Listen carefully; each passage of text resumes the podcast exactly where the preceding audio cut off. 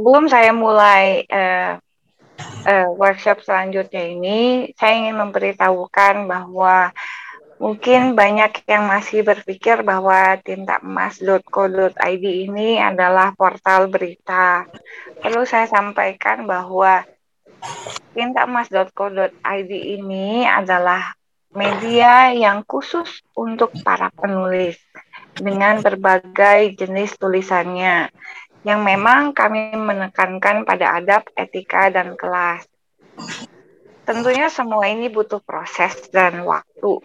Jadi uh, tidak apa-apa, kita bisa belajar dulu sama-sama. Tidak perlu takut untuk berpikir, oh tulisan saya jelek, saya belum mampu menulis begini, begitu, begini masih banyak salah. Itu nggak usah dipikirin. Karena tujuannya dari kami adalah justru bersama-sama belajar bersama-sama agar kita terus maju meningkatkan kualitas. Yang pada akhirnya kita semua juga targetnya saya adalah semua bisa menjadi guru menulis bagi semua, mengajak yang lain juga untuk menulis, memberikan inspirasi, menghasilkan karya-karya, mengajak banyak orang untuk menulis. Bagi Indonesia. Ya, karena kita kekurangan sekali buku-buku, kita kekurangan sekali materi untuk uh, literasi, begitu juga untuk bahasa, apalagi untuk sastra. Jadi kirim saya tulisannya. Seperti yang saya bilang di grup menulis itu tidak ada yang salah. Ya, menulis itu hanya butuh keberanian, konsistensi, kesabaran, ketekunan dan kerendahan hati untuk terus belajar dan mengolah. Saya yang sudah menulis dari usia sangat belia, dari usia 9 tahun pun, saya masih terus belajar kok nggak bisa saya berhenti uh, belajar untuk mengolah. Uh, saya masih belajar banyak sekali dan saya merasa masih banyak yang kurang. Uh, kalau untuk teori dan lain sebagainya, memang kalau ada teori memang ada ya. Puisi itu ada teorinya, prosa, jurnalistik, esai, opini semua ada teorinya. Tetapi bukan berarti kemudian kita harus terpatok hanya kepada teori. Lebih baik kalau buat saya pribadi yang selama ini sudah mengajar dari tahun 2000, teori itu bisa kita pelajari seiring waktu. Namun yang lebih penting adalah bagaimana kita berani untuk mengutarakan atau menemukan jati dirinya kita sendiri dalam menulis kebebasan dan kemerdekaan di dalam menulis itu dengan konsistensinya dengan ciri khasnya itu yang akan membuat kita menjadi uh, bisa bertahan. Saya memberikan contoh tulisan saya sendiri. Buku-buku saya sendiri tidak ada yang masuk dalam kategori apa pun. Karena saya memiliki ciri khas saya sendiri di dalam menulis. Jadi uh, apa ya? Jadi eh, tidak masalah sebetulnya. Mau mau menulis dengan gayanya kita sendiri pun tidak masalah yang penting adalah konsistensinya dan benar itu adalah jati dirinya kita sendiri oke okay. kemarin waktu di workshop eh, pertama saya bercerita soal bagaimana kita menemukan arti dan makna kata. Saya ulang dulu ya. Arti dan makna kata ini amatlah sangat penting. Kita bisa memulai dengan membuat kamus kita sendiri. Setiap penulis harus memiliki kamusnya sendiri. Saya dari dulu menguraikan satu kata per hari. Saya deskripsikan sebanyak 40 kata.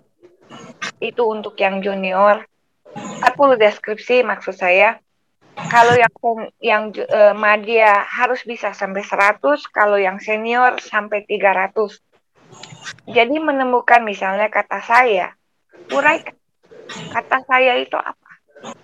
Sampai menemukan keajegannya sendiri. Sehingga tahu apa bedanya kata saya, bedanya kata aku, kapan pakai kata saya, kapan pakai aku, kapan pakai hamba, kapan pakai beta, kapan pakai abdi ya. Jadi bukan hanya sekedar kita tahu artinya secara tekstual saja, tetapi kita juga paham maknanya secara kontekstual, secara yang tersurat dan yang tersirat. Di dalam setiap kata itu ada empat makna. Makna yang tersirat, yang tersurat, kontekstual, dan tekstual. Bahkan uh, penggunaan uh, apa penggunaan koma, tanda seru, tanda tanya itu pun sebaiknya kita paham betul apa maksudnya gitu ya. Kenapa kita harus pakai itu? Sehingga kita bisa menjelaskan kepada para pembaca kita sendiri bahwa itu maksudnya tanda tanya itu ini. Seperti misalnya eh, kalau melihat buku saya judulnya Wahai Pemimpin Bangsa pakai tanda seru tiga. Sebetulnya tanda seru tiga ini tidak pernah ada di dalam buku. Jadi di dalam buku itu tidak boleh ada uh, tanda seru atau tanda tanya sebagai judul. Tetapi Gramedia uh, mengizinkan saya untuk pakai tanda seru karena saya mampu menjelaskan bahwa tanda seru itu ada artinya. Dan itu bukan sekedar tanda seru, tetapi merupakan sebuah kata yang diubah menjadi tanda seru. Tiga. Nah, ini perlu latihan dengan caranya adalah selalu mengolah kata. Setiap hari diolah kata.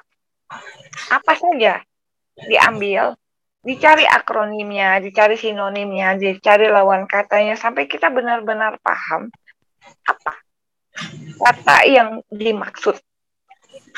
Misalnya kita bicara soal awan. Apa yang dimaksud dengan awan? Menurut kita awan itu apa?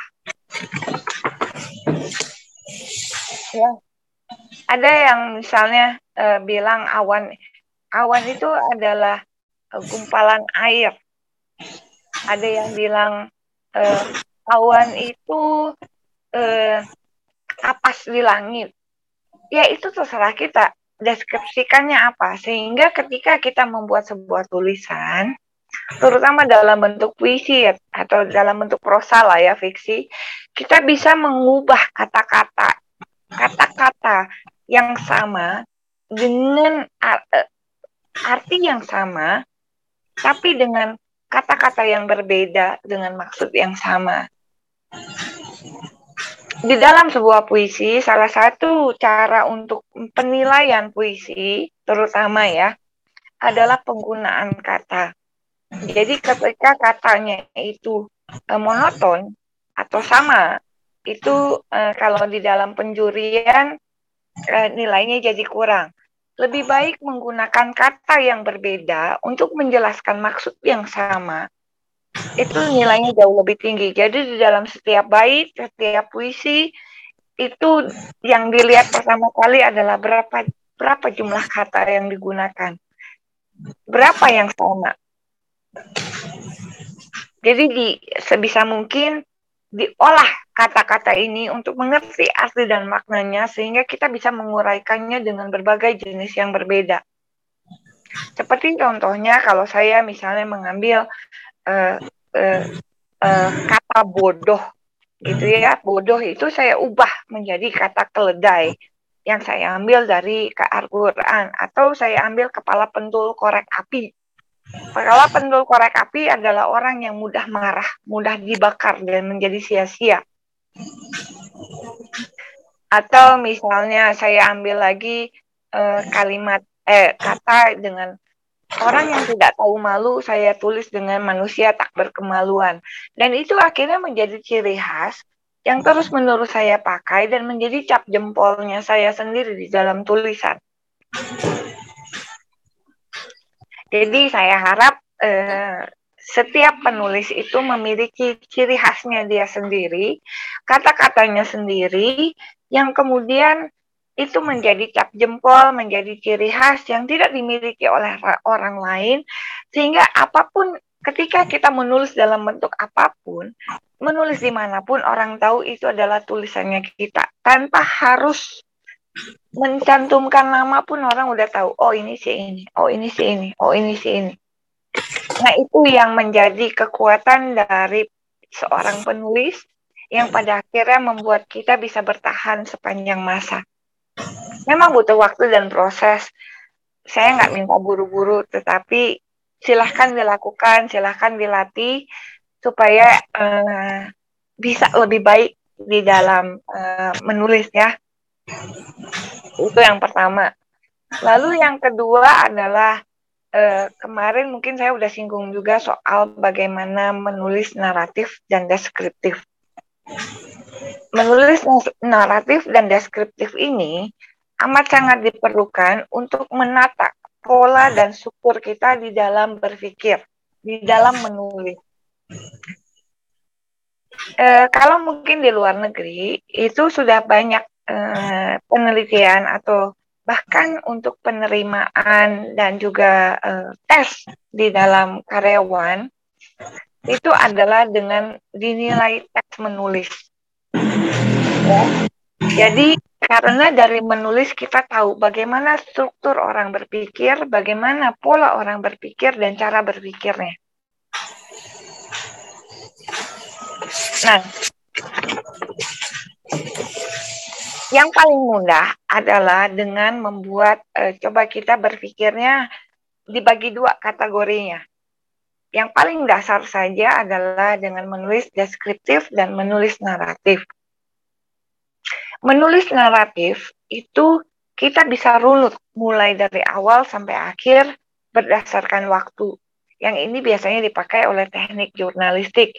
Misalnya ketika kita melihat kecelakaan gitu ya, melihat kecelakaan, kita bisa menulis dari awal, mulai dari eh kenapa terjadi kecelakaan, lalu kecelakaan, lalu setelah kecelakaan, sampai akhirnya apa?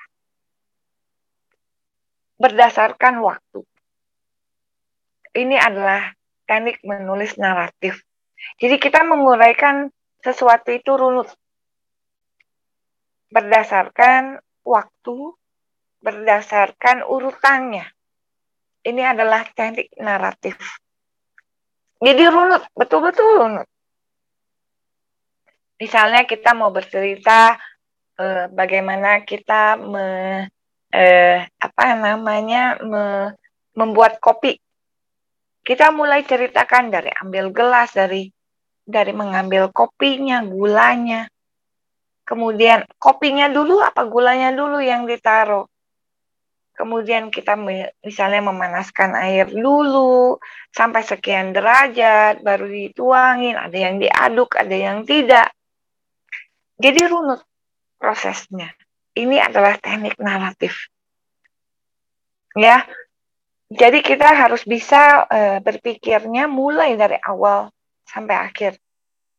Kalau misalnya di dalam karya ilmiah, kita bisa menuliskannya mulai dari masalah hingga solusi. Ini adalah, adalah teknik naratif.